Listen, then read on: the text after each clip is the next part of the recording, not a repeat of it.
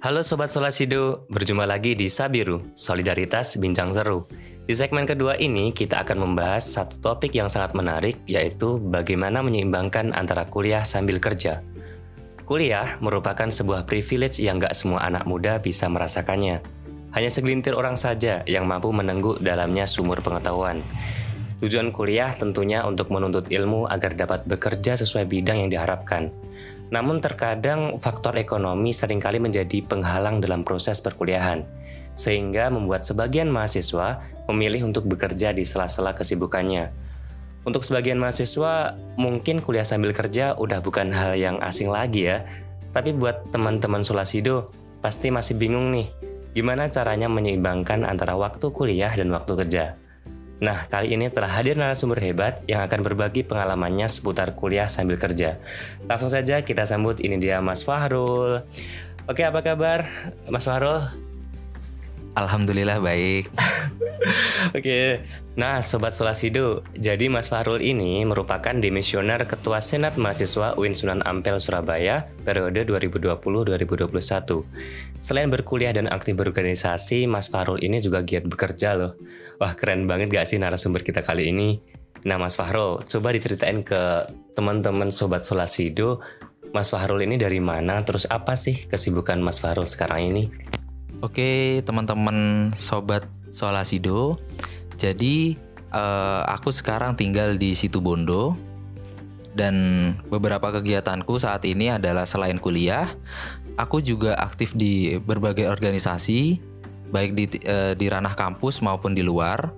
Terus juga aku sekarang sedang menggeluti tiga pekerjaan. Yang pertama sebagai tour leader serta uh, digital marketing di salah satu perusahaan pariwisata di daerah Banyuwangi. Terus aku juga sebagai sekretaris sebuah panti asuhan di daerah Situbondo sekaligus eh, sedikit-sedikit belajar entrepreneur membuka usaha warung mie Indomie atau biasa disingkat di Warmindo di Situ Bondo gitu. Wah ternyata banyak sekali ya bidang yang ditekuni Mas Farul ini selain aktif berorganisasi juga beberapa mengikuti bidang pekerjaan.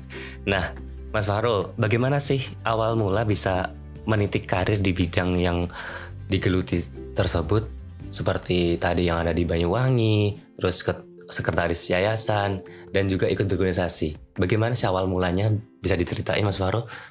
Oke, kalau misalnya pekerjaan, sebenarnya aku dari awal menjadi mahasiswa baru ya, itu udah sering kerja. Aku juga dulu pernah ngajar dan berbagai tempat.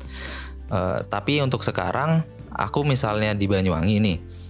Dulunya aku memang aktif di sana sebagai peserta magang sekaligus penelitian. Mungkin teman-teman tahu namanya Pantai Grand Watu Dodol. Nah, di sana aku melakukan penelitian sekaligus magang.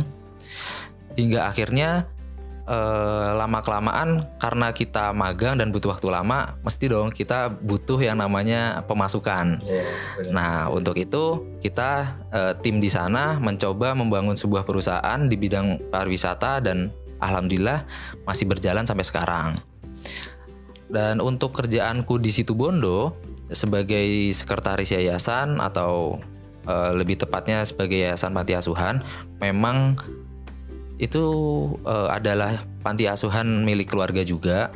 Jadi aku diminta untuk kembali ke sana dan mengembangkan diri di sana sekaligus membantu uh, adik-adik dan uh, masyarakat yang membutuhkan di sana. Akhirnya aku ditarik sama uh, pengurus di sana untuk tetap terlibat dan mengembangkan yayasan yang ada di sana.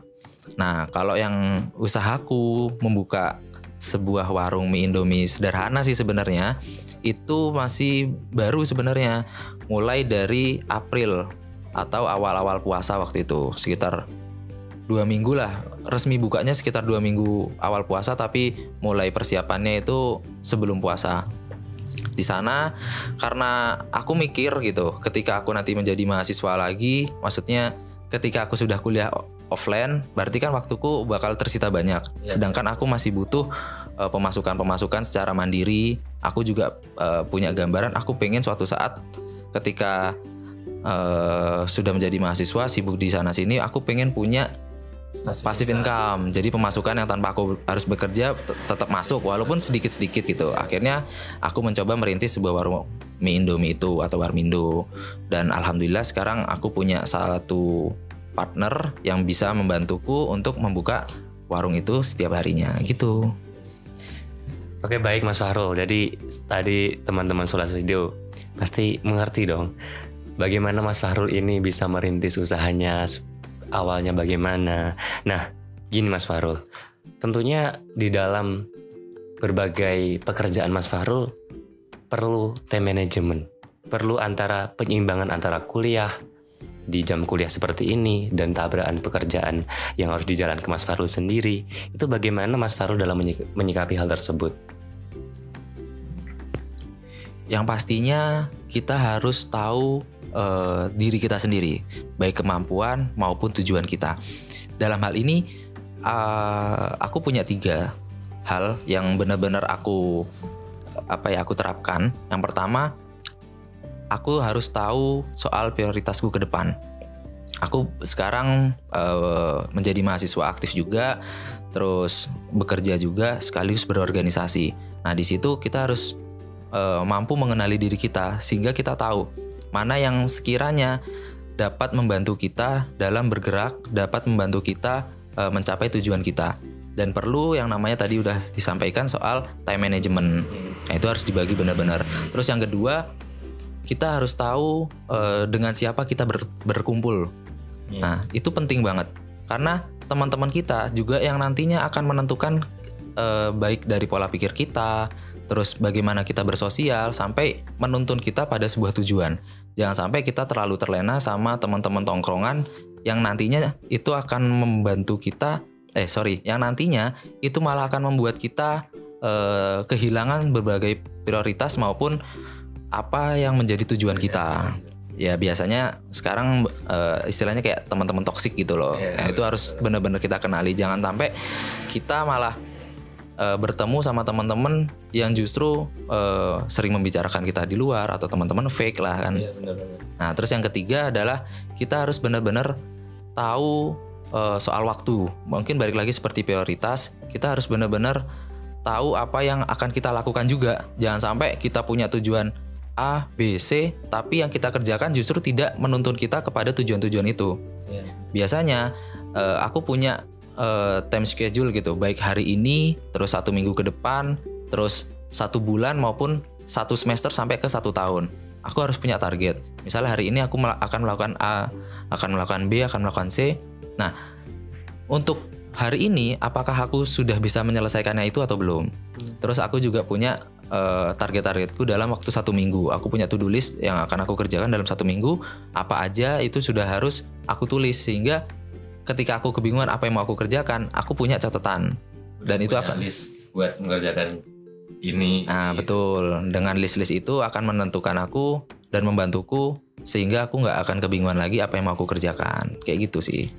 Nah teman-teman, tadi udah dijelasin sama Mas Fahrul sangat keren banget bagaimana dia menyikapi dan bagaimana bisa memberikan time management, prioritas dan bagaimana dia bisa menyelesaikan pekerjaan-pekerjaan Mas Fahrul. Jadi kan tadi dijelasin juga ya Mas Fahrul tentang pekerjaannya ini harus begini kuliah waktu ini itu pernah gak sih di titik Mas Fahrul itu bosen di titik Mas Fahrul burn out itu bagaimana jika hal itu terjadi di Mas Fahrul di samping pekerjaan-pekerjaan yang terus masuk terus terus kuliah harus mengerjakan tugas juga itu bagaimana Mas Fahrul?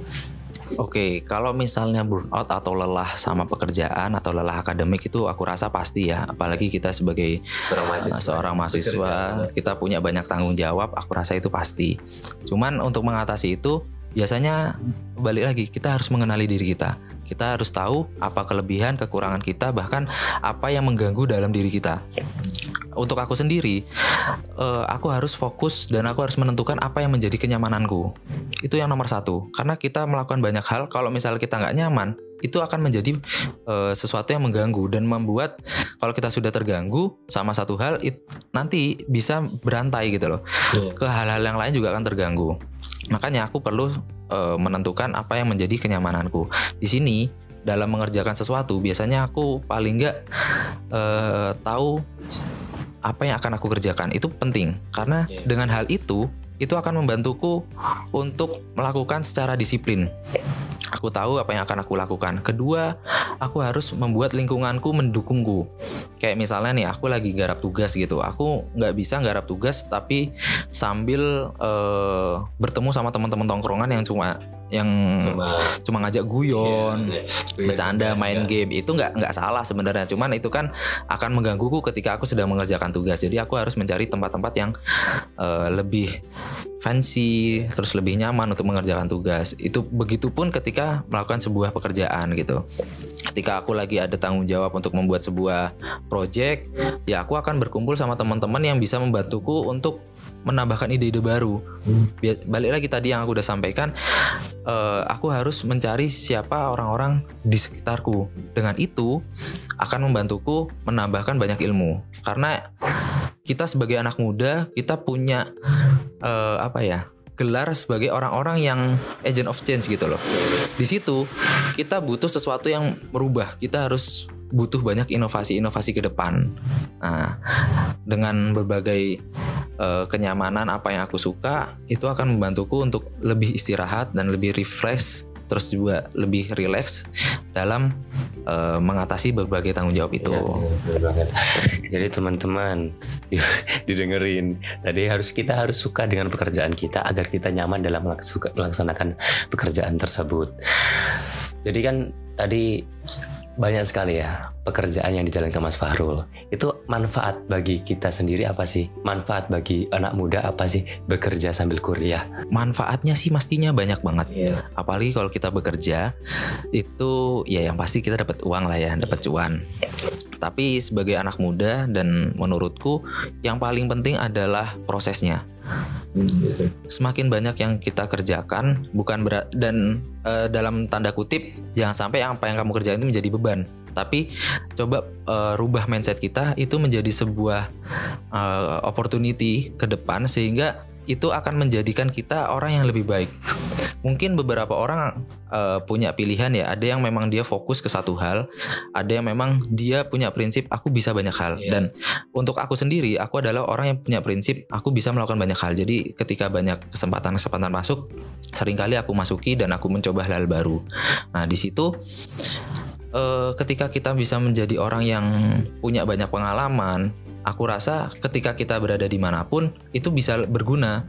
Misalnya nanti eh, ada sebuah proyek atau ada kegiatan membutuhkan kita untuk membuat sebuah apa ya eh, konsep-konsep marketing. Nah di situ ketika aku dulu pernah belajar berada di eh, perusahaan marketing, ya aku bisa memberikan ide-ideku di sana. Aku juga suka kegiatan pengabdian misalnya. Aku suka eh, apa namanya suka nongkrong, suka masuk-masuk ke berbagai desa pengabdian sehingga ketika ada proyek-proyek pengabdian aku juga bisa masuk ke sana dan aku bisa Ada melakukan banyak hal aku menemukan banyak ilmu baru di sana Baik banget ya. Tadi juga jelasin juga bagaimana manfaat dan benefit dari kuliah sambil kerja untuk persiapan agar nantinya kita bisa menekuni bidang tersebut setelah lulus di kuliah. Ini kalimat penutup Mas Farul. Motivasi dan pesan untuk anak muda bagaimana dia bisa mengimplementasikan di kehidupan sehari-hari agar bisa berkembang di antara kuliah sambil kerja atau mungkin ada ada anak muda yang gengsi bahwa pekerjaannya ini tidak sesuai dengan apa yang diekspektasikan di pekerjaan di depan. Itu bagaimana motivasi dan pesan untuk anak muda ini kalimat penutup Mas Farul. mungkin kalau untuk anak muda apalagi anak umur 20 tahun sampai 30 tahun kita biasa mengenal yang namanya KLC quarter life crisis memang ini adalah masa-masa kita untuk eh, ke- kadang kebingungan gitu loh Iya, benar. ke mana sih aku harus berjalan ke mana arah tujuanku nanti Bagaimana umur masa 40 depan tahun kita, 50 tahun aku harus jodoh eh, mendapatkan jodoh yang seperti apa itu benar. pasti akan menjadi beban juga bagi kita Iya. Salah satunya yang harus kita laksanakan kita harus mengenali diri kita. Siapa diri kita, apa kemampuan kita, apa yang menjadi kekurangan kita. Dengan begitu, kita akan mulai eh, dapat menyusun langkah-langkah ke depan. Kita juga sebagai anak muda, jangan pernah malu untuk mencoba hal-hal baru. Karena hal-hal baru akan membantu kita eh, menjalankan dan membangun masa depan kita. jangan pernah kamu hanya menolak uh, sesuatu yang baru karena alasan kamu nggak bisa, Iya. kamu takut, kamu malu karena kamu memang nggak mampu. Coba dulu, mulai aja dulu biasanya aku bilang gitu. Makanya aku dalam berbagai pekerjaan itu suka aku prinsipkan mulai aja dulu. Benar atau salah itu urusan belakang. Kita sebagai mahasiswa terutama, mahasiswa itu sebenarnya punya gelar apa ya? eh, privilege tersendiri. Ketika kamu nah, kesempatan yang untuk belajar. Kita di masyarakat, kita salah aja itu loh masih diampuni gitu loh karena kamu masih menjadi sebuah mahasiswa dan mahasiswa ketika di masyarakat itu juga selalu mendapatkan panggung khusus karena dianggap sebagai orang-orang yang punya eh, kesempatan belajar lebih kita di Terdidik ya, ya? nah, terdidik terus kalau misalnya kita di perusahaan sebagai mahasiswa kita masih dianggap sebagai mahasiswa magang biasanya Iya. nah di situ kita juga punya kesempatan ketika kita salah kita loh mas eh kalau misalnya salah itu masih bisa diperbarui nah karena kita pelajaran masih jadikan baik. pelajaran. Kita juga dalam bersosial sebagai seorang mahasiswa itu masih punya kesempatan untuk bertemu dengan mahasiswa-mahasiswa antar daerah melalui organisasi misalnya kita membangun networking. Jadi menjadi anak muda itu suatu yang privilege, menjadi mahasiswa itu juga menjadi privilege dan manfaatkan itu untuk membangun dirimu di masa depan. Jadi teman-teman, nah gak kerasa juga, nggak gak kerasa kita sudah di penghujung podcast. Terima kasih Mas Farul sudah datang di podcast Solasido dan menyempatkan waktunya di di, di era kesibukan-kesibukan pekerjaannya. Dan eh, dapat saya simpulkan bahwasannya jangan malu dan jangan putus asa. Kita sebagai mahasiswa tentunya menjadi kesempatan kita untuk belajar dan terus belajar. Jadi Sobat Solasido, eh, dari pengalaman Mas Fahrul, pelajaran dan inspirasi serta benefit yang kita dapatkan dari podcast ini semoga bisa bermanfaat bagi teman-teman semua. Semoga dapat bisa diterapkan di kehidupan sehari-hari. Sampai jumpa di episode berikutnya. Terima kasih jika ada kesalahan mohon dimaafkan. See you teman-teman.